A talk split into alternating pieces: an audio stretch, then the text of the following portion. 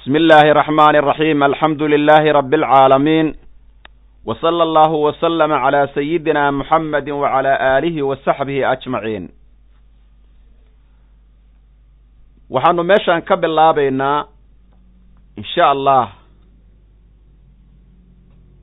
maanta oy taariikhdu ku beegan tahay labada kun iyo sideedda bishii waxa weeye sagaalaad oo maraysa labaatan iyo toddoba sebtembar oo maanta labaatan iyo toddoba maraysa kitaabka loogu magac daro xayaatu lislaam fi macrifati sifaati illah wa sifaati rasuulihi alacdam sala allahu calayhi wasalam kitaab loogu magac daro xayaatu lislaam nolosha islaamka. Kitaabkan wuxuu horodhac u yahay ama uu ka bilaabanayaa toban kitaab oo aan rabno insha allah si daba isdaba jooga inaanu u qaadano. Toddoba tobankaa kitaab waxay kale yihiin xayaatulislaamka iyo toddoba kitaab oo la yidhaha sabcu lcaqaa'id oo isku dhegan oo isla socda oo caqiidada islaamka iyaguna ka hadla. Kitaab yar oo asna la yidhaha caqiidat alcawaam oo asna caqiidada ka sheekeeya iyo siirada rasuulkaba. Iyo kitaabka tobnaad oo noqonaya kitaabka tobnaad oo isaguna noqon doona caqiidatu taxaawiya insha allahu tacaala tobankaas kitaab ayaanu qaadan doonaa insha allah markay dhammaadaan qof walbaahi ayagoo insha allahu ku jira websaydyada iyo meel walba ayuuna insha allahu ka xafidi doonaa qofkii dersigaa intuu socdo haleelin waaye insha allah kitaabkan ugu horeeyo xayaatulislaamka la yidhaahdo wuxuu ka kooban yahay su'aal iyo jawaab. Waa su'aal lagu weydiinayo iyo jawaabteedii su'aasha marka lagu weydiinayo siin baa ku qoran. Siinku wuxuu wuxuu u taagan yahay su'aal. Jiimkuna wuxuu u taagan yahay jawaab. Waa su'aal calaamatu su'aalkaad ka garaga doontaa. Siinku sidaas u taagan yahay. Jiimkuna waa jawaabtii su'aasha lagu weydiiyo. Sidaad uga jawaabi laheed baa kitaabka ku qoran. Kitaabkani wuxuu ku bannaan yahay musaabaqa ama tartan. Dadka cilmigooda hoos laga soo dhisayo lagu macnaha waxa weeye barbaariyo ama lagu soo kobciyo ayuu ku bannaan yahay ama macnaha waxa weeye oo ku habboon yahay. Kitaabkan su'aalaha ku qoran haddii aanu soo hormarino waa boqol iyo siddeed su'aalood boqol iyo siddeed su'aalood iyo boqol iyo siddeedkaas su'aalood jawaabahooda ayuu kitaabkaani qoraa. Kulligiis waxaa loogu talagalay su'aal iyo jawaab in cilmiga lagu xafido wuxuuna ka hadlaa kitaabkaani saddex arrimood. Ilaahay subxaanahu wa tacaala tilmaamaha u waajibay sida ilaahay inuu yahay alla qaadira alla wax maqla alla waxa weeye wax walba og wax walba awooda ilaah waaxida sifaadka ilaah u waajibay iyo tilmaamaha mustaxiilka ka ah ilaahay oon lagu tilmaami karin oo ka sheekeeya. Tilmaamaha aan lagu tilmaami karin ilaahay oo haddaad ku tilmaanto islaamnimadaada ay dhibaato gaarayso kitaabkani wuxuu sidaas oo kaleeto ka hadli doonaa ilaahay sifaadka jaa-iska u ah. Ilaahay inuuna abuuro ilaahay inuuna dilo inuu waxna siiyo qofka siduu doono inuu ka yeelo ilaahay waa u bannaanta. Waajibna kuma aha mustaxiilna kama aha. Jaa-is baa la yidhaahdaa. Wuxuu kaloo kitaabkani ka hadli doonaa tilmaamaha ambiyada nabigeenna ama ambiyadoo dhan in ay run sheegaan beentu waa ka mustaxiil caqli bay leeyihiin. In ay noqdaan dad caqli daran waa ka mustaxiil. Waxa oo dhanna waa ogaa doonaa wuxuu kaloo kitaabkani ka hadli doonaa siirada rasuulka sala allahu calayhi wasalam oo lagu su'aali doono nabigeenna owlaadiisii carruurtiisii abtiriskiisii meeshuu ku dhashay meeshuu ku geeriyooday tilmaantiisa qaabku waxuu cuni jiray siduu waxuu cabi jiray nabigu siduu u yiilay muuqaalkiisa dhirirkiisa macnaha intuu yahay kulligeed sifaadka nabi moxamed calayhi salaatu wasalaam kitaabkani waa ka hadli doonaa. Kitaabkani wuxuu kaloo ka hadli doonaa xayaatulislaamka la yidhaahdo caqiidada qeybta samciyaadka la yidhaahdo sida waxa weeye qiyaamada qabriga miisaanka acmaasha la miisaamo xisaabta maalinta qiyaamo kulli wuu ka sheekay doonaa. Waxaanu insha allahu qaadan doonaa maanta haddii ilaahay idmo dersigiisii koobaad xayaatulislaamka dersigiisii koobaad ayaanu qaadanaynaa. Waxa weeye maanta ayaan dersigiisii koobaad qaadanaynaa. Taariikhda kitaabkan oo noo bilowday taariikhda hijriga ah waxay maraysaa kun afar boqol labaatan iyo sagaal bishii sagaalaad oo ramadaan ah. Baa maanta weliba waxay maraysaa labaatan iyo toddobo. Taariikhda miilaadiga ahna waxay maraysaa laba kun iyo sideed bishii sagaalaad oo setembar baa iyaduna waxay maraysaa labaatan iyo waxa weeye toddoba iyaduna sidaas maraysa.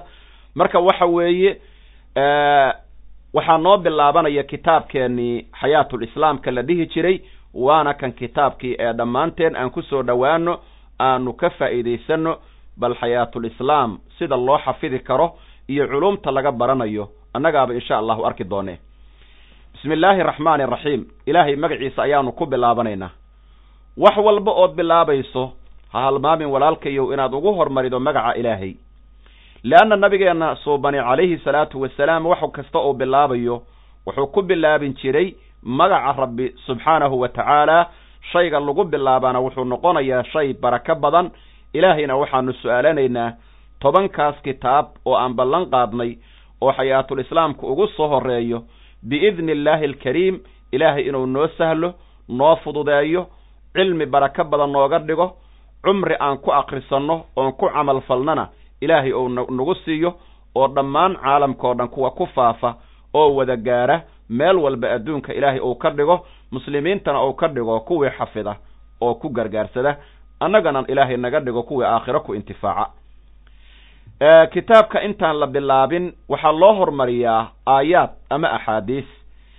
Aayaadka iyo axaadiistaas waxaa la yidhaha baraacatul istihlaal baa la yidhaahdaa bimacnaa waxay ku barayaan kitaabkaani wuxuu ka hadli doono kitaabkaani wuxuu ka hadli doonaa islaamka shay anfacaya. Waxaa loogu soo hormariyey aayaddan waradiitu lakum alislaama diina.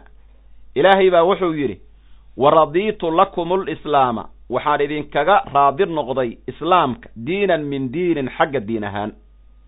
Bimacnaa islaam buu kitaabkaani ka hadlayaa isaga dhan baa waxaaba la yidhaahdaa xayaatul islaam noloshii islaamka oo ka hadlaysa fii macrifati sifaati illaah sifaatka rabbi oo la barto wa sifaati rasuulihi alacdam sala allahu calayhi wasalam iyo sifaatka suubanaha oo la barto.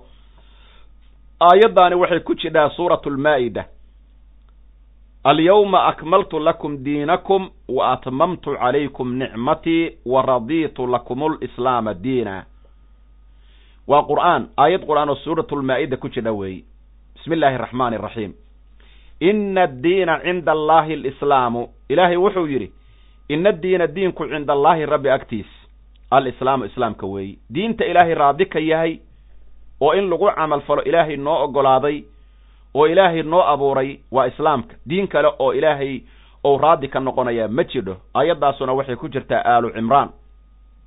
Suuradda la yidhaahdo aalu cimraan aayad kaleo waxaa jidha iyadana suuratu aali cimraan oo ilaahay uu leeyahay waman yabtaqi gayra alislaami diina falan yuqbala minhu wa huwa fi alaakhirati min alkhaasiriin qofkii diinta islaamka diin aan ahayn diin ahaan u raadiya laga aqbali maayo wa huwa fi alaakhirati min alkhaasiriin aakhirana wuxuu ku jiraa qolada khasaartay oo hoog iyo ba u soo hoyaday ayuu ku jira allah naga badbaadiyey su'aasha koowaad oo kitaabkanna su'aalay maa huwa diinu? Diin waa maxay? Horta diin baan baranaynaa baan dhahnaye haddii aanu diin baranayno waa maxay diini? Jawaabteeda waa lagu barayaa maa huwa diin? Markii in lagu yidhaahdo waxaa laga yaabaa in aad gara weyso meelaha aad fiirfiiriso ama su'aashii aad si qaldan uga jawaabto laakiin kitaabkaana baraya. Diin waxaa la yidhaahdaa waatan. Diin waxaa la yidhaahdo waatan oo halkan bay noogu qoran tahay kitaabka ayaa noo sheegaya. Bimacnaa diin markii la yidhaahdo luqa iyo sharci bay leedahay. Luqada kitaabku ma qorin. Luqada waxaa la yidhaha mutlaqu linqiyaad lilaxkaami sharciya axkaamta islaamka diintoo la qaata baa la yidhaahdaa diin waxaa luq ahaan laga cabiraa adeecidda cibaadada jazada xisaabinta. Laakiin sharcigu waa sida meesha noogu qoran. Diinna marka la leeyahay macnaha waa wixii laga diin yeesho. Millana waa la yidhaah. Milla marka la leeyahana malaggaa nabiga u meeriyey saasaa millo loogu magacaabay. Sharcina waa la yidhaah. Maxaa yeele ilaahay baa noo jideeyey. Sharaca lakum min addiini ilaahay baa noo jideeyey. Marka waxa weeye diin iyo milla iyo sharci waa isku ujeedo laakiin diin maxaa la yidhaah? Waa nala barayaa waatan ajawaab aljawaab addiinu diin huwa diin maa baa la yidhaha sharacahu allaahu ilaahay ou jideeyey calaa lisaani nabiyihi nabigiisa carabkiisa ou noogu jideeyey oo min al axkaami axkaama. Xugumyaalka ilaahay nabi moxamed noogu soo dhiibay sida salaada sida soonka sida sekada dahaaro qaadashada wahaakada baa diin la yidhaahdaa. Oo maxaa ka mid ah? Wadaalika kaafta waa mithaal ka macrifati sifaati illaahi waa sifaatka ilaahay oo la barto waa diin. Wasalaati salaada oo la barto waa diin. Wazakaati xoolaha oo sekada laga bixiyo waa diin. Su'aashii koobaad iyo jawaabteedii baan qaadanay. Su'aasha labaad maa hiya? Maxay tahay umuuru diini? Diinta calaamaadkeedu waa maxay? Ay calaamaatu wujuudihi diinta in ay jirto oo qofkaani diin leeyahay. Calaamooyinka lagu gara karaa waa maxay? Jawaab umuuru diini arbacatun diinta calaamooyinkeeda iyo umuurta lagu gartaa waa afar calaamo. Afar astaan markii qofka laga helo waa qof diin leh. Laakiin haddii calaamooyinkaa laga waayo diin ma laha. Afarta calaamoo lagu gara karaa waa maxay? Sixatulcaqdi caqiidadiisu qofka inay horta ansaxdo. Kow. Wa sidqu lqasdi qasadkiisa inuu ka run sheego. Labo. Waalwafaa'u bilcahdi ballanta waa inuu oofiyo. Ilaahay ou la galay oo ballantii ilaahay uu ka soo baxo iyo waajibaadka ilaahay u dardaarmay. Saddex waijtinaabu alxaddi xadka oo laga fogaado. Bimacnaa ilaahay xuduuddiisa inaadan ku xadgudbin wuxuu ilaahay xad u yeelay oo ku yidhi ha u gudbin ha u gudbin ka dheeraw. Wuxuu rabbi kaa reebay zinadii khamradii beentii ka fogaaw waa umuuru diin afartaa weeyaan. Afartoodii baa nala barayaa marka ilaah waxa weeye afartoodii baa nala barayaa su'aasha saddexaad maa macnaa sixatu alcaqdi caqiidadiisa qofka caqiidada ansixiddeeda macnaheedu waa maxay? Bimacnaa sixatu alcaqdi maxaa looga jeedaa?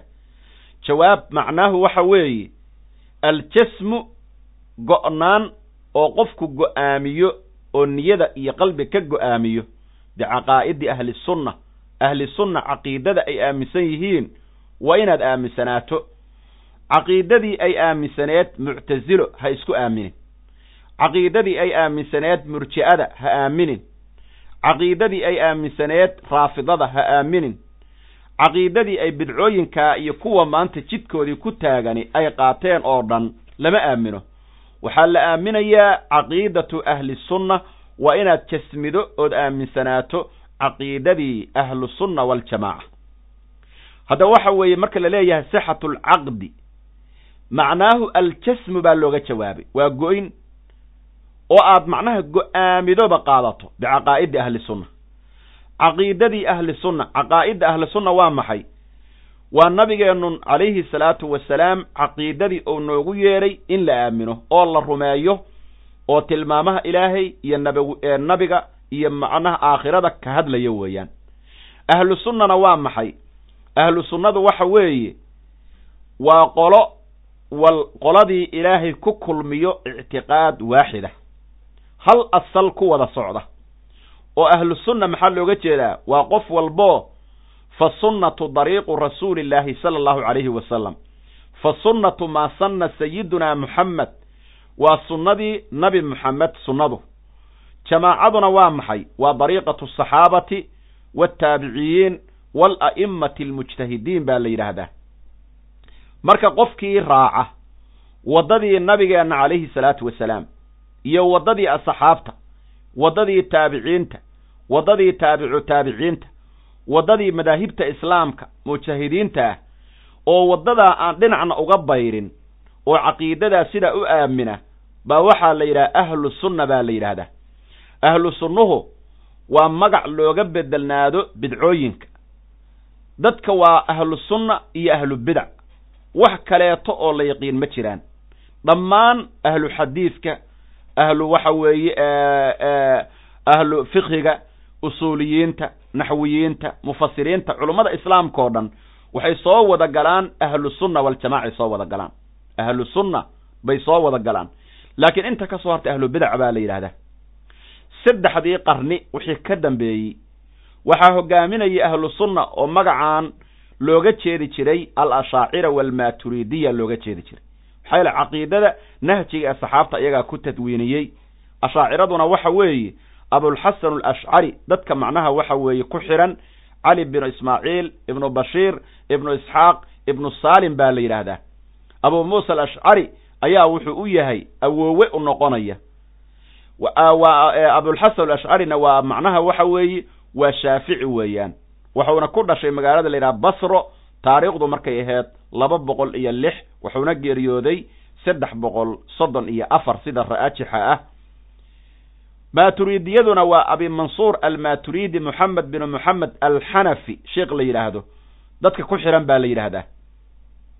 Marka calaa xaasil waxa weeye caqiidadii saxiixa aheed oo ahlu sunna waljamaaca qofku waa inuu ku taagnaado oo go'aamiyo oo dhinacna uusan uga bayrin. Ahlu sunnana waxaa soo gelaya cilmu tawxiid waannubuwa dadka a'imada u ah. Cilmu lfiqhiga dadka aaminsan oo macnaha hogaamiya.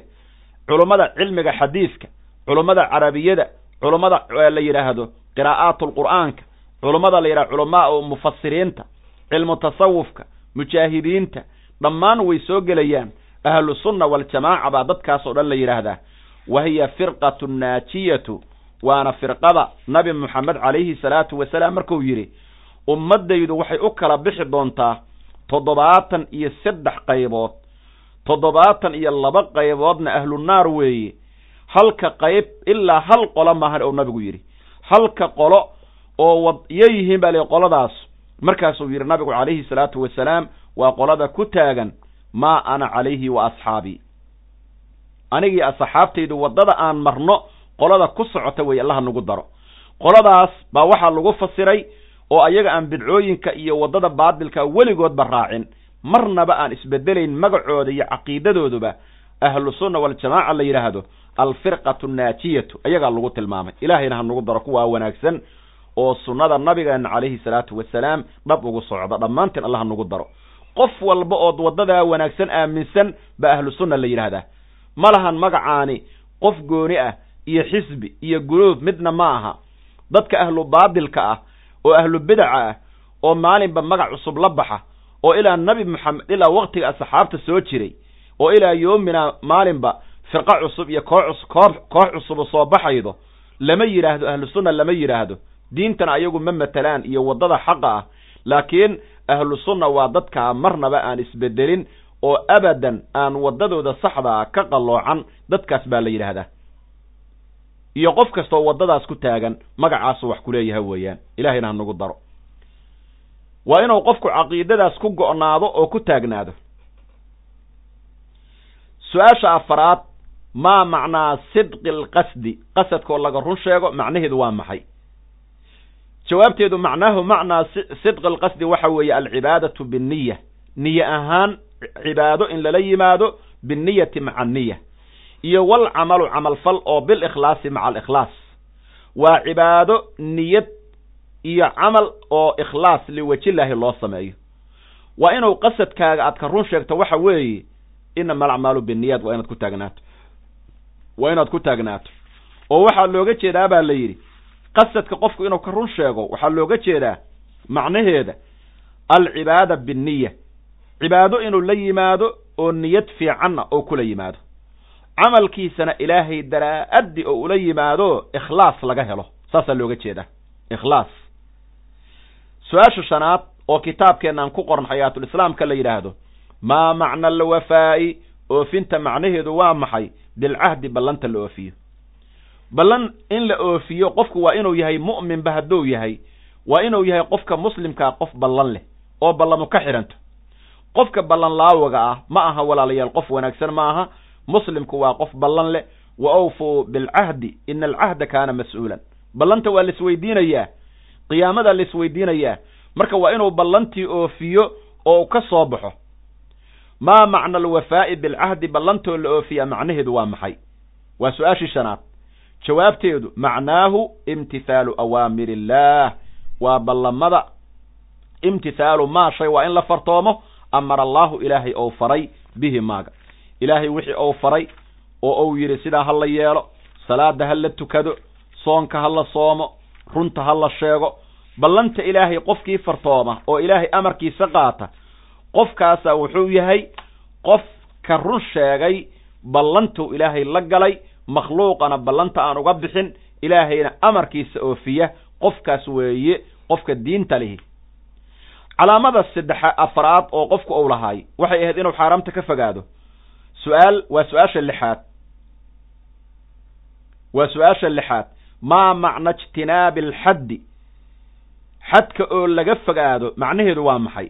Jawaab macnaahu waxa weeye tarku maa shay in laga tago naha allaahu canhu ilaahay ou reebay ilaahay wuxuu kaa reebay waa inaad ka dheeraato. Ha ku xadgudbin. Ilaahay wuxuu kaa reebay ka dheeraaw. Su'aasha waxa weeye lixaad sidaasaa lagu tilmaamay. Su'aasha toddobaad ma huwa alislaamu? Islaam muxuu yahay? Islaam muxuu yahay ma huwa alislaam? Waa su'aal? Jawaab alislaamu islaam huwa islaam. Altasliimu hoggaansamid weeye. Aldaahiru ee muuqda. Limaa shay loo hoggaansamo jaa'a yimid min cindi illaahi subxaanahu wa tacaala. Ilahay agtiisa wixii ka yimid calaa lisaani xabiibihi xabiibkiisa carabkiisa ku yimid muxammadin ahaa sala allahu calayhi wasalam ayaa la yidhaahdaa. Islaam waa maxay? Alislaamu huwa altasliim horta islaamku wuxuu leeyahay luqo iyo sharci. Luqada waxaa lagu yidhaha alinqiyaadu lilaxkaami sharciya. Axkaamta sharcigoo loo hoggaansamo waa alinqiyaad. Laakiin sharcigu waa sida noo qoran sharciga islaam waxaa lagu yidhaahdaa huwa altasliimu waa hoggaansamid aldaahiru muuqata. Lima shay loo hoggaansamo jaa'a yimid min cindi illaahi tacaala. Ilaah agtiisa ka yimid calaa lisaani xabiibihi. Xabiibkiisa carabkiisana ku yimid muxammadin ahaa xabiibku sala allahu calayhi wasalam nabigeenna calayhi salaatu wasalaam wax walbou noo keenay oo salaadu ka mid tahay oo soonku ka mid yahay waajibaadka nabi moxamed ilaahay noogu soo dhiibow na soo gaarsiiyey waa in loo hoggaansamo oo xugunka ilaahay diintiisu nafar nafartay la qaato oo kitaabka ilaahay lagu xuguntamo sunnada nabiga lagu xuguntamo xuguntaku waa maxay?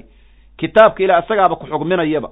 Waxaan ka dheeraa waa kaa xaaraam waa xugun shaygaan sameey qaado dad muslim tahay u hoggaansan waa xugun salaada tuko waa xugun weese qaado markaad tukanayso waa xugun istinjoo waa xugun dahaarada ilaali waa xugun runta ku dhaqan waa xugun beenta ka fogaa waa xugun. Macnaha xugunkii islaamka loo hoggaansamo baa waxaa la yidhaahdaa sharci baa la yidhahdaa xugunkii islaamka oo loo hoggaansamo aan waxaan rabaa islaam baa la yidhaahdaa. Qofka marka waxa weeye islaamka ah shuruud buu leeyahy shuruuddaas hadda ka hor tartarma tartamada ama musaabaqooyinka la isku su'aalay dadka qaar baa ka jawaabi waayey laakiin kitaabkan haddii aada xafidaan waxaa idiin sahlanaanaya musaabaqooyinka iyo tartamada in aad si fudud su'aasha markii lagu su'aalo ku saabsan arrimahan in aad uga jawaabto. Su'aasha toddobaad maa hiya shuruudu lislaami islaamka shuruuddiisu waa maxay? Su'aasha waxaan rabaa sideedaad. Maa hiya shuruudu lislaami islaamka shuruuddiisu waa maxay? Shuruud qofka markuu soo muslimayo shuruud baa loo xiraa shardiga waxaa la yidhaha maa yalzamu min cadamihi alcadam. Waa shay haddii la waayo weyn baa ka imaanaysa. Bimacnaa shardigan haddii la waayo islaamnimana imaan mayso. Maa hiya shuruudu lislaam islaamka shuruuddiisu waa maxay? Jawaab shuruudu lislaami sittatun. Islaamka shuruuddiisu waa lix.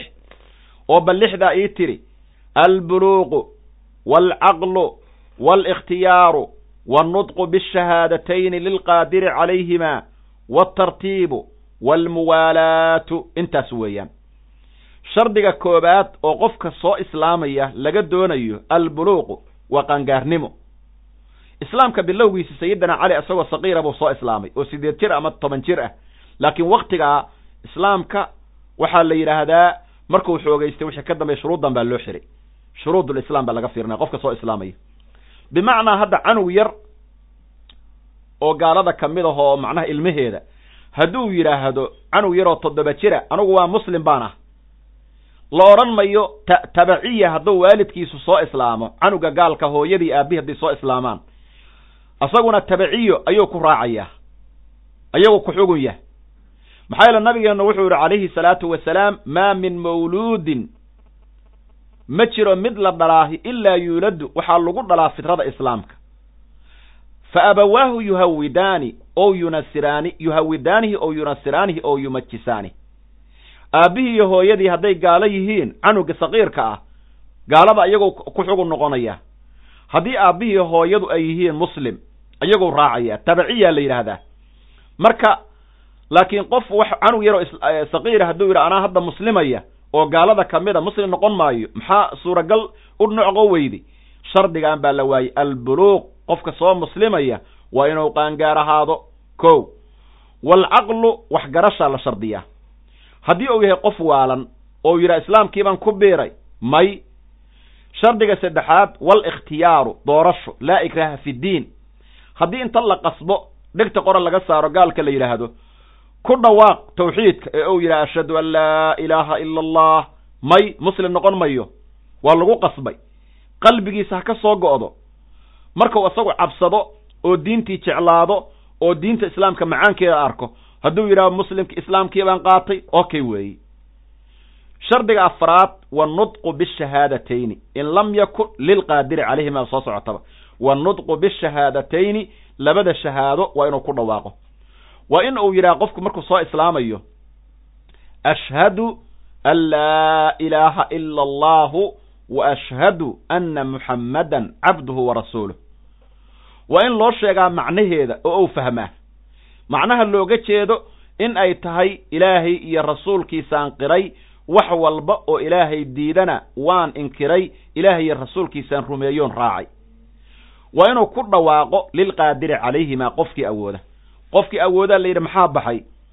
Al akhras haddii uu yahay qof hadalka ku xidhan yahay oo gaal ah oo doonaya masalanba inuu soo islaamo ma waxaad odhanaysaa qofka aan hadli karin islaamnimo ka ansixi maydo? May. Way ka ansixee ishaaro. Wa ishaaratu lakhrasi ka nudqi naadiqi baa la yidhaahdaa.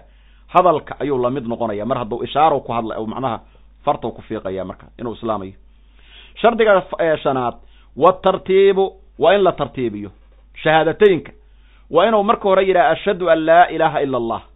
Kabacdina waa inuu yidhaha wa ashhadu anna muxammadan rasuulullah. Laakiin markuu soo islaamayo hadduu si khaldan tawxiidka ugu dhawaaqo oo yidhaha ashhadu anna muxammadan rasuulullah oo haddana ilaahay daba mariyo may ka ansixi maydo. Shardiga ugu dambeeyo oo lixaad oo shuruudda islaamka laga fiiriyo waalmuwaalaatu xiriirin weeyi xiriirinta waa maxay? Waa in uu isdaba dhigo ashhadu an laa ilaaha ila allah wa ashhadu anna muxammadan rasuulullah. Ee haddii uu hal mid kaliya ku dhawaaqo oo yidhaha ashhadu an laa ilaaha ila allah maanta hadduu yidhaahdo. Berrina hadduu yidhaha wa ashhadu anna muxammadan rasuulullah ma ansaxayso. Waa in labadooda laga maqlo. Marka shuruudulislaam haddii lagu su'aalo shantaas ee lixdaas weeyi.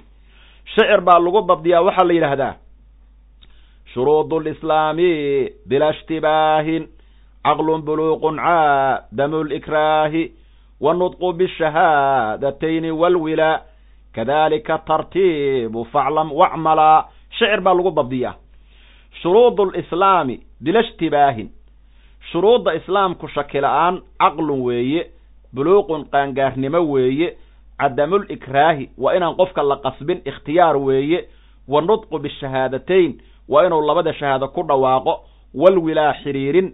Kadalika tartiibu tartiibna waa la mid ee faclam ogow oo wacmalaa wacmalan ku camal fal weeyaan. Waxaanu gelaynaa su'aasha sagaalaad.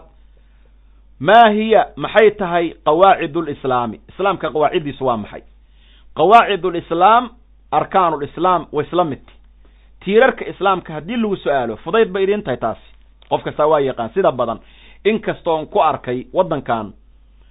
Dad qaangaaro ah oo arkaanulislaam aan oqoon arkaanul iimaanna aan oqoon hooyadood iyo aabahood waxay ku leeyihiin soomaaliya baan ka nimid annagu sidaas baan nahay.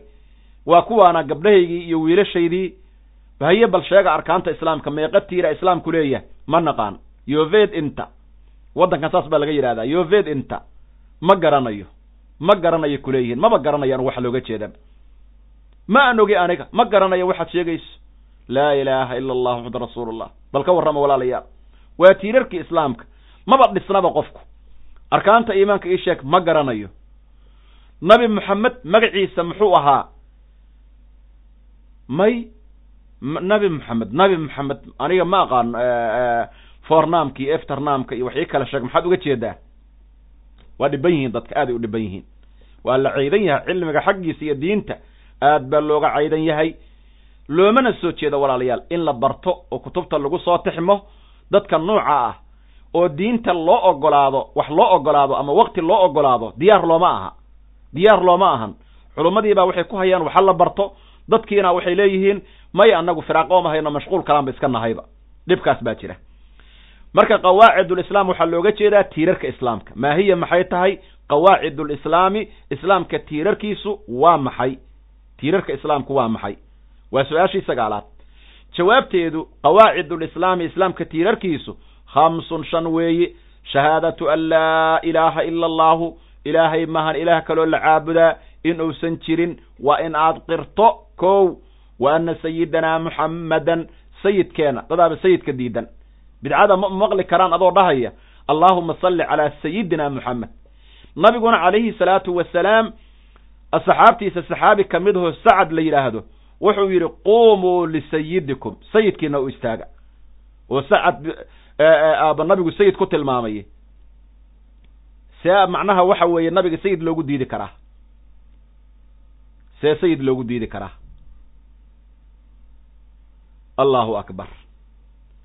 Sayidinaa cumar muxuu dhihi jiray abubakar waa sayidkeennii actaqa sayidinaa sayidkeennii buu xoreeyey abubakar baa noo sayida oo sayidkeennii bilaal buu xoreeyey bal fiiri asxaabtii nabiga.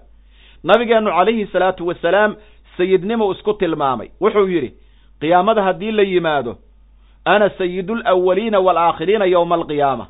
Maalinta qiyaamo ummaddii hore iyo ummadaha dambe anigaa sayidkoodii ah. Nabi moxamed calayhi salaatu wasalaam waa sayidkeennii aan qiyaamada shafaacadiisa u baahnayn sala allahu calayhi wasalam wakhtiyadii hore dad sayid nabi moxamed u diida waxaa laga maqli jiray shiicada. Jidkaa hadda waxaa ku taagan oo ilal aana allaahuma salli calaa sayidina markaa tidhaa kula dagaalamaya. Qolada la yidhaahdo wahaabiyada la yidhaahdo waddadoodii bay ku taagan yihiin. Qawaacid lislaam khamsa. Shahaadatu an laa ilaaha ila allah wa ana sayidana muxammadan sayidkeena nabi muxammedana rasuulullah ilaahay rasuulkiisii inuu yahay waa inaad rumaydaa nabi moxamed calayhi salaatu wasalaam. Hadda waxaa jira walaalayaal sideedaba shahaadateynka arkaan bay leeyihiin. Kitaabka matnigiisu ma qorin laakiin hadda ka hor baan isku sheegnay.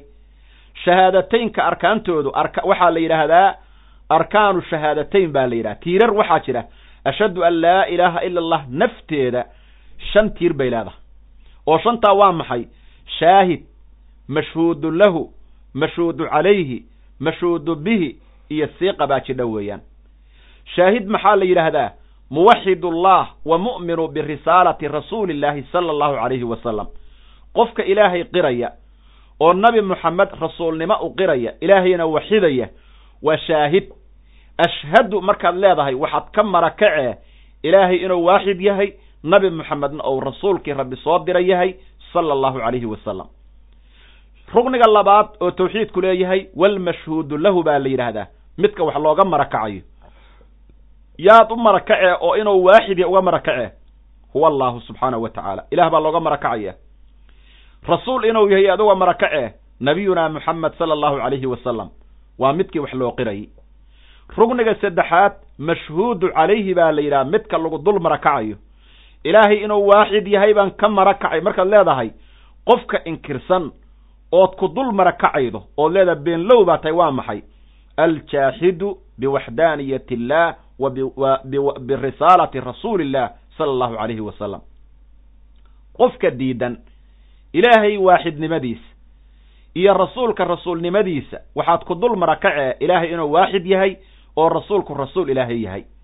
Rugniga afraad walmashhuudu bihi baa la yidhaah mid shayga laga marakacayo waa maxay? Ihbaatu alwaxdaaniyati lilah wa ihbaatu arisaalati lilah rasuulnimada iyo waaxidnimada ilaah ayaa laga marakacaya oo la qiraya.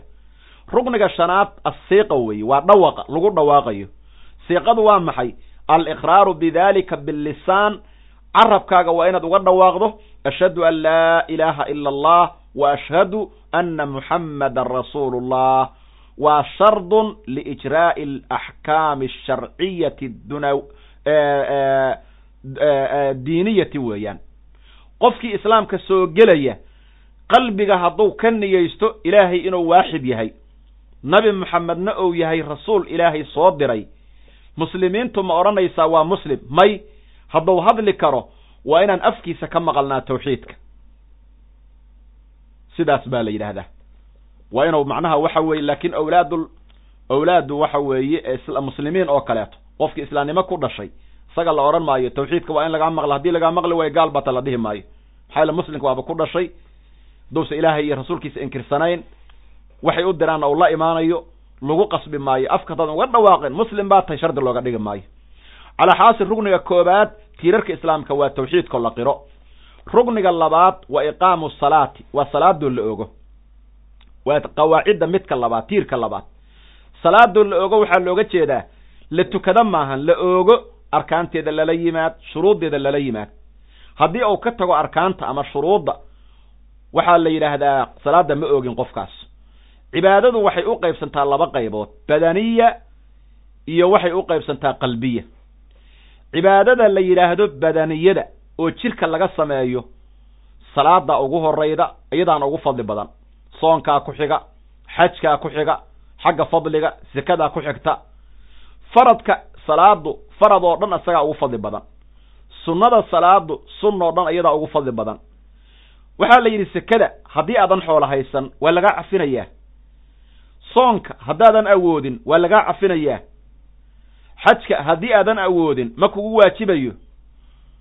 Soonka haddii aadan awoodin waxaa lagu leeyahay afraa kuu bannaan waagaad awoodo la imaad sekada haddaadan xoolo haysan hadda maba haysatid. Laakiin salaadu ma jidho walaalayaal meel la yskaga cafinayo. Salaadu ma jirto meel la yskaga cafinayo. Caqligaagu intuu joogo salaada waa lagaa rabaa. Musaafir haddaad tahay muqiim haddaad tahay haddii aad jiran tahay haddii dhakhtar aad ku jidho oo lagu qalay oo waxa weeye aad halkaa ku sugan tahay mar wala mar walba qaabkaad u tuka laheed diinta ilaahay way noo sheegtay waana la iska rabaa weeyaan cibaadada qaybta labaad waxaa la yidhaha bada qalbiyo.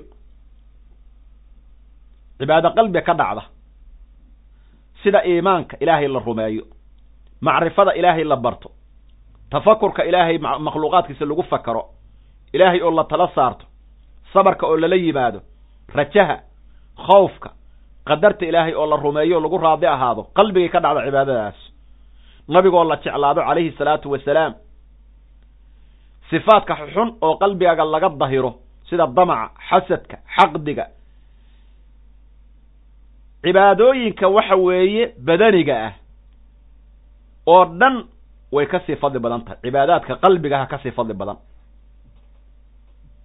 Dhammaanna cibaadooyinka qalbigaah waxaa ugu fadli badan iimaanka. Marka salaadoo la oogo rugniga labaad rugniga saddexaad wa iitaa'u zakaati sekadoo la bixiyo oo dadkii mutaystay la siiyo weeyaan. Rugniga afaraad wa sawmu ramadaana bisha ramadaanoo la soomo oo hadda aan ku jirno ramadaankoo la soomo. Ramadaanku labaatan iyo sagaal wuu ku dhammaadaa soddonna wuu ku dhammaadaa laakiin labaatan iyo sideed ma jidho.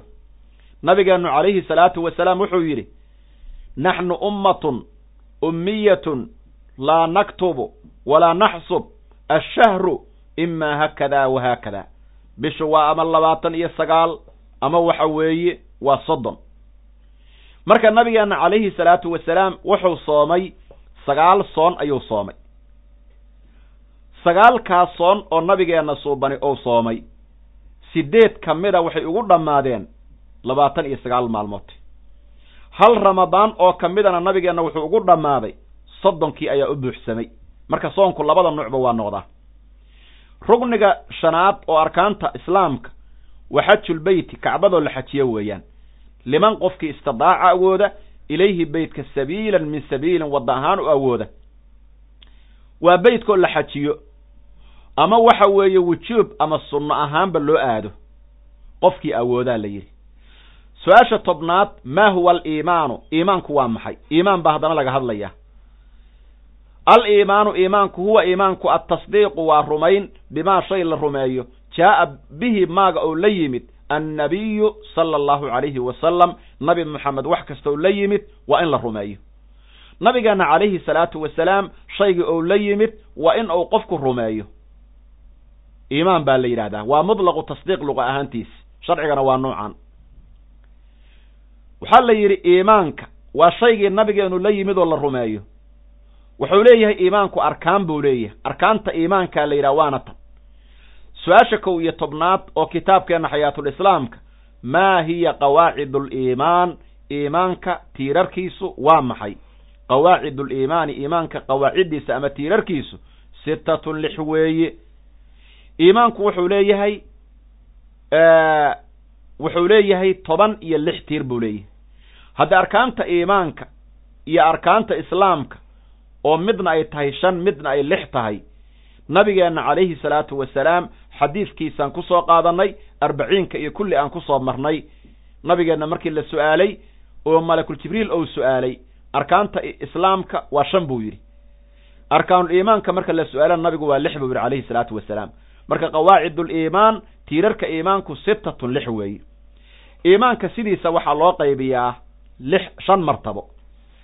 Shan martabaa loo qaybiyaa iimaanu taqliidin iimaanu cilmin iimaanu cayaanin iimaanu xaqin iyo midka shanaad oo ah iimaanu xaqiiqatin. Shantaasaa iimaanka loo qaybiya shantoodaas laba qayb oo ka mid a ayaa naga suurtagala oon awoodna.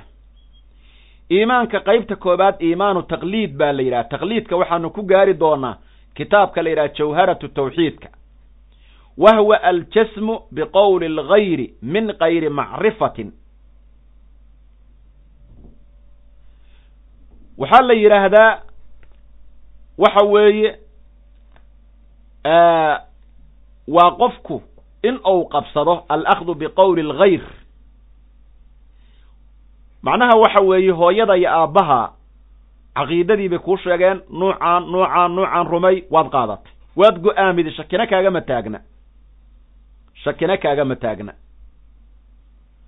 marka waxa weeye haddii aad cilmigeedii bara karto ood isbara weydana meesha hadda waxaa ku jiraya waxa weeye cisyaan iyo dembiba ha kaa soo raaco gaboodfalkaa laakiin iimaan taqliidaa la yidhaahdaa waana sax qaybta labaad iimaanu cilmin weeye ima iimaanu cilmi weeye iimaanu cilmi weeye wa huwa macrifatu alcaqaa'id biadilatiha cilma alyaqiin waa inuu qofku caqaa'idka adiladoodii barto dadka ahlu daliilka iyo xujada fahmi kara oo cilmiga fahmi karay arrintan u sugnaatay. Qaybta saddexaad iimaanka waxaa la yidhaha iimaanu cayaan. Waa macrifatu llaahi bimuraaqabati alqalbi qalbigaaga mar walba ilaahay inaad ka muraaqabaydo ucbud allaha kaannaka taraahu. Mar walba ilaahay waa inuu qalbigaa saa ugu taagnaado. Oo marnaba aadan darfatu cayn qalbiga aadan ka maqnaanin. Fayacbudu rabbah kaannaka yaraahu. Caynulyaqiin baa la yidhaahdaa.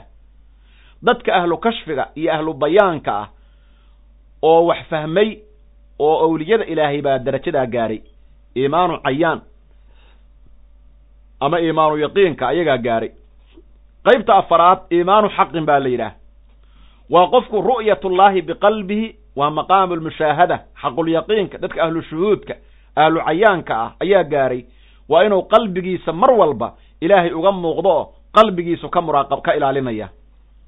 Qaybta shanaad iimaanu xaqiiqa alfanaa'u billaah wasukru bixubbih falaa yushaahidu ilaa iyaahu mar walba ilaahay buu macnaha waa xaalatulfana xaalad la yidhaahdo ayuu ku jiraaho makhluuqoo dhanba waa ka maqan yahay qalbigiisa waxaa ku taagan oo u muuqda kali ah ilaahay subxaanahu wa tacaala. Ilaahay baa oo ka hor muuqda.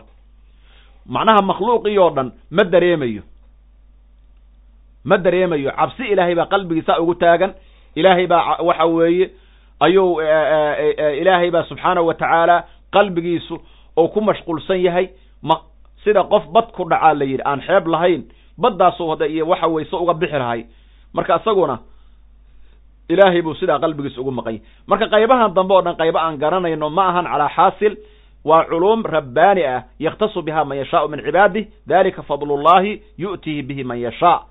Marka waxa weeye annaga waxaana laka doonayaa in aan caqaa'idkii rumayno oon cilmigeedana baranno. Calaa xaasil taasaan fahmi karnaa dadkana waxay fahmi karaan baa loo sheegaa. Sidaasay kutubtu qorayaan. Arkaantii iimaanka waa tan. Wa arkaanta qawaacidda iimaanku aliimaanu billahi waa ilaahayoo la rumeeyo.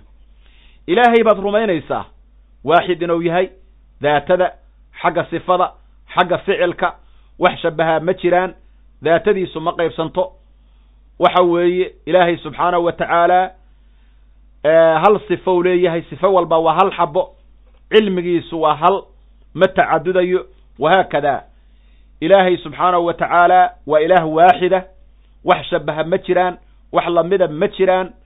Laysa ka midlihi shay-un falaa tadribuu lilahi alamhaal buu ilahay qur'aanka nagu yidhi afaman yakhluqu kaman laa yakhluqu afalaa tadakkaruun ilaahay marka subxaanahu wa tacaala laa ayna xaggee joogaa waxaa la yidhi qofku afar arrimood ilaa uu ka dheeraado iimaankiisu ma buuxsamayo. Ayna kayfa mataa kam afartaa ilaahay layskuma su'aalo. Ayna ilaahay xaggee ahaaday? Ma sida qof bini aadamaha war hebel xaggee joogaa? Waddankee joogaa? Waddankaasuu degan yahay. Ingiriiskuu joogaa? Xaafaddaas ma sida qof bini aadama ilaahay goobaynaa? Ayna ilaahay layskuma su'aalo. Ayna layskuma su'aalo. Maxaa yeelay ayna waa su'aalun can makaanihi. Ilaahay booskuu jooga baad baadi goobaysaa wahwa muxaalun laa maxaalata liannahu su'aalun can makaani man laa makaana lah ilaahay makaan ma leh meel sida bini aadamka loogu soo hagaago oo la yidhaha meeshaas goonida ahow joogaa koonkoo dhan oon jirin oon cir jirin oon dhul jirin ayuu ilaahay ahaa kaana allaahu walaa shay-a ilaahay wou ahaada buu yidhi nabigeennu xadiis bukhaari ah kaana allaahu walam yakun shay-un hayrah shay kaleeto oon jirin buu ilaahay jiray wahwa al'aana calaa maa kaana calayhi awalan awal hore siduu ahaa ayuu yahay laakiin carshigow joogaa iyo meel heblow joogaa iyo war sida bini aadamka ilaahay makaan how sugin fircoon baa dhihi jiray kor baan ilaahay ka soo baadi goobayaa ma fircoon baa tah ma caqiidadiisii baad aaminsan tah xaggeed ka soo raadinaysaa waan arki doonaa nimanka la yidhaahdo raafidada iyo bidcooyinka insha allah kutubaha dambaan ku arki doonaa caqiidada ayagaa meel gooni a dhihi jiray. Ilaahay meel gooniya oo ku xadaysan yahay oo ku kooban yahay marka sidaa ha odhan haddaadan waxa weeye dariiqii bidcada ku soconin sidaa ha odhanin ilaahay subxaanahu wa tacaala lama odhan karo kayfa huwa sidee yah liannahu su'aalun can kayfiyati man laa kayfa lah. Ilaahay kayfiye layskuma weydiiyo. Oo waxa weeye nuucow u yaal iyo nuucow yaha iyo alkayfu kayf layskuma su'aalo mustaxiil bay ka tahay ahlu sunna waljamaaca oo dhan ilaahay waxay ka nasahan can almakaan walxuduud walzamaan waltacadud wayaquuluuna alcajzu can idraaki illahi idraakun walbaxhu can daati illahi ishraakun saasay ku leeyihiin ilaahay makaan laguma tilmaamo xad meel go-an oo ku xadaysan yaha lama yidhaahdo zeban go-an taariikhda noocaasabuu ilaahay yimid ama uu dhammaan doonaa lama dhihin karo tacadud laguma tilmaamo kow labo saddex may ilaahay daa idraagiisa inaad ka cajisto oo tira anugu ilaahay tilmaamihiisan rumaynaya ilaahay waa alla waaxida idraakun iyadaaba lagu haleeli karaaba. Masalada saxda ah. Laakiin daatadiisa inaad baarbaarto waa ishraakun baa la yidhi. Sayidina abubakar asidiiq ilaahay raadiha ka noqda saxaabiga wuxuu odhan jiray alcajzu can darki lidraaki idraakun haleelid laga cajiso daatada ilaahay baan haleelayaa inaad tira ood ka cajisto baa idraag ah. Wuxuu kaloo dhihi jiray subxaana man lam yajcal lilkhalqi sabiila ilaa macrifatihi ila bilcajzi can macrifatihi fahuwa subxaanahu tacaala caliimun qadiirun samiicun basiirun laa yuusafu cilmuh wa qudratuh wa samcuh wa basaruh mima yuusafu bihi almakhluuqu walaa xaqiiqatuhu wakada culuwuhu wa istiwaa'uhu ida asifatu tatbacu lmawsuufa ayaa la yidhaahdaa wuxuu dhihi jiray sayidina abubakr man lam yajcal lilkhalqi sabiila ilaa macrifatihi ila bilcajzi can macrifatihi buu dhihi jiray subxaana waxaa xumaan ka hufnaaday ilaaha aan khalqiga waddo uga yeelin in ay daatadiisa bartaan ilaa bilcajzi can macrifatih inay macrifadiisa ka cajisaan mooye ilaahay waa ilaah caliima wax walba og awooda maqlaya arkaya cilmigiisa iyo awooddiisa iyo samcigiisa iyo aragtidiisa makhluuqa tilmaantooda la mid maaha. Ilaahay waa sarreeyaa marka la leeyahay sarraynta adiga taadaaho kale maahan. Alraxmaanu cala alcarshi istawaa marka la leeyahay istawahan adigu aad taqaano iyo midka adigu aad meel kusin maydo oo kale ma ahan ilaahay marka rumay marka lagu leeyahay waxaanu rumaynaynaa ilaahay sida uu isku tilmaamay in aad ku tilmaantiin weeyaan oo nuuca aan ku tilmaano walaalayaal. Ma aha inaan dhahno sida bini aadamka oo kaleeto ilaahay gacan buu leeyahay jaarixa ah oo gacantaydan la mid ah. Taa waa xaaraam waana caqiida la'aan islaamka looga tegayo looga baxayo. Makhluuq ayaa ilaahay lagu shabahin. Wa hiya aliimaanu billaahi arkaanta iimaanka midda ugu horreyda u fiirso. Rugniga koobaad waa ilaahay oo la rumeeyo. Ilaahay baa la rumaynayaa subxaanahu wa tacaala ilaahay buu rumaynayaa. Rugniga labaadna waa maxay? Wa malaa'ikatihi ilaahay malaa'igtiisa oo la rumeeyo weeyaan. Malaa'ikatullah ilaahay malaa'igtiisa la rumaynaya iyaga naftooda. Hadda ilaahay malaa'igtiisa la rumeeyaa marka la leeyahay malaa'igtu waa ajzaam ladiif nuuraaniya jacala allahu lahum quwatan cala atashakul biashkaalin mukhtalifa malaa'igta waxaa la aaminayaa sida bini aadamka dumar maaha ragna maaha ilma ma dhalaan tanaasul ma leh ilaa qiyaamadu ka dhacdo ma dhimanayaan. Malaa'igtu waxay ka samaysan yihiin nuur jismi oo nuuraani ah weeyi. Waxay awood u leeyihiin bini aadamka inay isku shabahaan. Ma ahan niman dumarna maaha lebeebshana maahan aabba male malaa'igtu hooyana ma leh. Wax walbay sheegaan run bay ku sheegayaan. Laa ya'kuluun walaa yashrabuun. Malaa'igtu wax ma cunaan waxna ma cabaan. Malaa'igtu ma isguursadaan waxna ma dhalaan malaa'igtu wax ma ma hurdaan sida annagoo aan u hurudno oo kale. Malaa'igtu ilaahay kuma caasiyoobaan sidaan u caasino oo kaleeto. Malaa'igtu ilaa qiyaamadu ka dhacdo buunka marka koowaad oo la afuufo ka hor ma dhimanayaan. Malaa'igtu takaaliif waajiba ma saarna sideenoo kaleeto. Malaa'igta waxaa la yidhaha acmaasha ayagu ay sameeyaan lama qoro maxaa yeele iyagaaba wax qora. Malaa'igta qiyaamada lama xisaabinayo leanna iyagaa wax xisaabinaya malaa'igta camalkooda lama miisaamo ayagaa wax miisaamay miisaankii iyo hawshiiba qabanaya. Sayi-a waxaan rabaa camalkooda lama miisaamo. Maxaa yeelay waxa weeye hadda sayi-a ma lahan. Malaa'igta waxaa la soo xashirinayaa qiyaamada insiga iyo jinniga iyo malaa'igtaba qiyaamada laiskugu keenaya malaa'igtu waxay u shafaaco qaadayaan dadka bini aadamka ah oo dambaabay leanna waxaa shafaaco qaadku u sugnaaday. Nabigeennaa bilaabaya sala allahu calayhi wasalam waxaa shafaaco qaadaya ambiyada waxaa shafaaco qaadaya malaa'igta waxaa shafaaco qaadaya cibaadullahi saalixiin baa la yidhaahdaa. Malaa'igtu jannada ayay gelayaan mu'miniintana janna jannaday ku arkayaan. Malaa'igta toban malag oo ka mida inaan baranaa wujuub bay nagu tahay tafsiilan.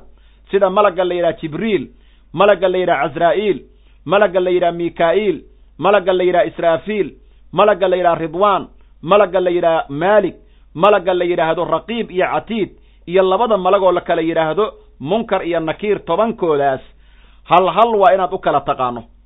Marka malaa'igta ilaahay rumay marka la leeyahay qofkii ku tilmaama dumar ku tilmaama gaaladii waktigii nabigeenna joogay calayhi salaatu wasalaam waxay dhihi jireen almalaa'ikatu banaatullah. Malaa'igtu waa gabdho ilaah bay dhihi jireen ba layidhi waa gabdhihii ilaahay. Taasoo la yidhaahdana diintaa looga baxaya. Malaa'igtu maba ahanba bini aadamkan ama dumar ama raga maba lagu tilmaamo. Hal malag oo kali ah adduunka waxa ku nool oo dhan haddii loo soo diro ee la yidhaha ayaga dhan soo baabi'i waa ka awood badan yahaa la yidhi malaa'igta ilaahay. Tusaale ahaan malakul jibriil oo kaleeto lix boqol oo baallood buu leeyahay. Haddii uu waxaa la yidhi mid kamida fidiyo qoraxdu meeshay u soo dhacdo iyo meeshay ka ka soo baxdo waa kala gaaraya baa la yidhi marka waa inaad rumayso waa malaa'ikatii ilaahay malaa'igtiisa rugniga saddexaad oo arkaanta iimaanka wa kutubihi.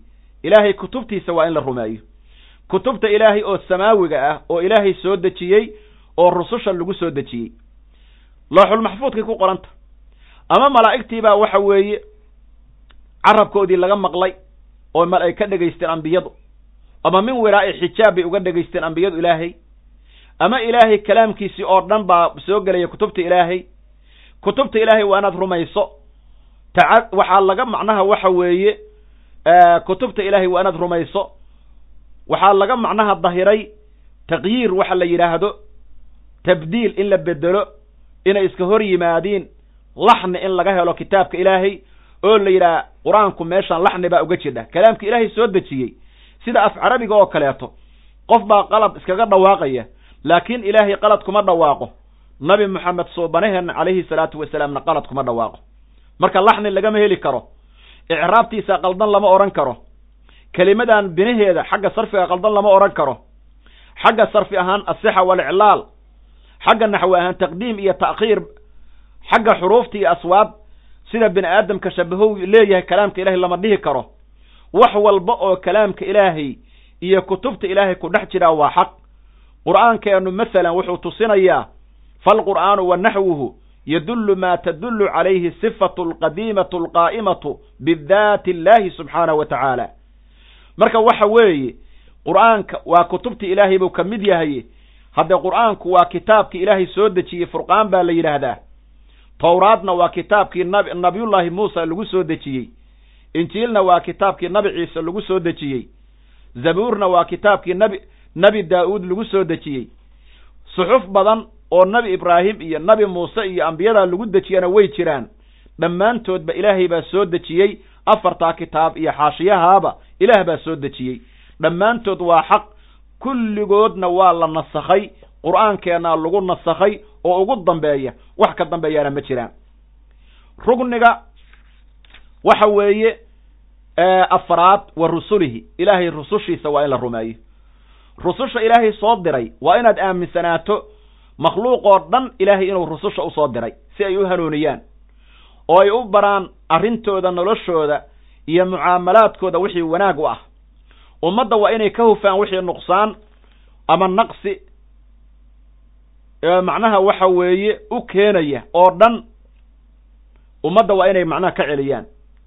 Ayaga naftooda waxaa laga nasahay oo aan rususha lagu tilmaami karin nuqsaan ceeb boqonnimo waxa weeye danaa-annimo sidaas oo kale bakhiilnimo caqli daraan khiyaano been inay sheegaan kulli ambiyada ilahay waa laga dhowray. Waxaa laga xafiday dunuubta oo dhan oo kama dhacayaanba. Ambiyadu ama rusushu waa kuwa ugu fadli badan addoommada ilaahay. Cadadkooda yaa yaqaan ilaahay bis baa yaqaana. Ambiyada yaa ugu horreeyey ama rususha nebi aadam. Yaa ugu dambeeyey nebi moxamed calayhi salaatu wasalaam dhammaantood xaggee ku abtirsadaan nebi aadam bay wada galaan. Marka waxa weeye malaa'igta iyo ambiyadana hadda waxa aan rusushana waxaa fadli badan masalan nabigeenna iyo markii la isqaabiliyo. Markii nabigeenna iyo la isqaabiliyo malaa'igta ilaahay waxaa fadli badan rasuulkeenna calayhi salaatu wasalaam. Rugniga shanaad walyawmi alaakhiri maalinta aakhiro tiirarka iimaanka rugniga shanaad maalinta aakhiro waa in la rumeeyo. Maalintan waa inuu qofku aaminsanaado maalin jira inuu yahay oo maalin ka dambaynin oo laysi su'aali doono qabriga su'aashii malakaynka qabriga qofna waa lagu cadaabaa qofna waa loogu janneeyaa. bacsi baa jira waa laysi soo noolay doonaa. waa lays amaal mari doonaa. acmaasha miisaan baa la saari doonaa. siraadka la dul mari doonaa. janno iyo naar baa jidha waxa weeye yoomkan yoomul aakhira waxaa loogu magacaabay. habeen iyo maalin ka dambeeya ma jiro aakhiradu waxay ka bilaabataa yoomul aakhiruhu nafqada labaad mana dhammaataa la yidhi. Ama waxay ka bilaabataa jannada iyo naarta ummadda marka loo kala diro. Ama waxay ka bilaabataa qofku markuu dhinto man maata qaamad qiyaamatuhu qiyaamadiisii waaba dhacdayba. Marka waxa weeye waa yowmul aakhira la yidhaahdaa. Waxay ka bilaabataa dhimashada fa xiinaidin alqabru min alaakhira aakhirada ayuu markaa ku jiraa weeye rugniga shanaad rugniga lixaad. Waalqadari qadarta waa in la rumeeyo khayrihi wa sharihi qadarta ilaahay ou qadaro khayr iyo sharba waa inaad aaminsanaato wixii ilaahay qadaro oo dhaca. Maxaa yeelay waxa weeye wax walbo ilaahay qadaro. Waa waa inaad aaminsanaato wa ana jamiica afcaali alcabdi alikhtiyaariya mithlu qiyaam walqucuud walakli washurbi wa taxriiki alyadi bilkitaaba aw ilibdiraariya mithlu wuquuc walirticaash biiraadat illah wax walba oo kaa dhaca dad wax cunto dad wax samaydo dad wax wanaag samaydo dad dembi xataa samaydo qadar ilaah bay ku dhaceen. Qado ilaah bay ku dhaceen. Iraado ilaah bay ku dhaceen. Laakiin dembiga lama odhan karo. Dembigan in aan sameeyo ilaahay baa i amray. Haddaad tidhaha waa dembi kale lama dhihi karo. Haddii aad tidhaha ilaahay baa raadi iiga ah waa dembi kale lama ogola. Dembiga ilahay raadi kama aha. Dadkana ma amro. Wa kadalika lama odhan karo. Shayga dembiga ah ilaahay baa jeclaadayna lama odhan karo. Marka dembiga kuma ou tacalluqo amarka ilaahay kuma tacalluqo maxabada ilaahay iyo ridada ilaahay intaasoo dhan dembigu lama xiriiro intaasoo dhan waa ka bedelan yahay. Halkaa waxaanu ku soo koobaynaa darsigeennii koobaad ee ugu horreeyey kitaabka la yidhaahdo xayaatu lislaam fi macrifati sifaati illah wa sifaati rasuulihi alacdam sala allahu calayhi wasalam darsigiisii koobaad baan intaa ku soo koobaynaa. Kitaabkaas oon dhahnay boqol iyo siddeed masalo ayaa ku qoran. Waxaanu qaadanay tobankii su'aalood oo ugu horreeyey. Su'aashii kow iyo tobnaad miyo helmidda hadda qaadanay toban iyo laba toban iyo kow su'aalood baan ka qaadanay. Ilaahay ha nagu anfaco ilahayna na fahamsiiyo. Darsigeenna intaasaan ku soo koobaynaa. Wallahu waliyu tawfiiq. Wassalaamu calaykum waraxmat ullahi wabarakaatu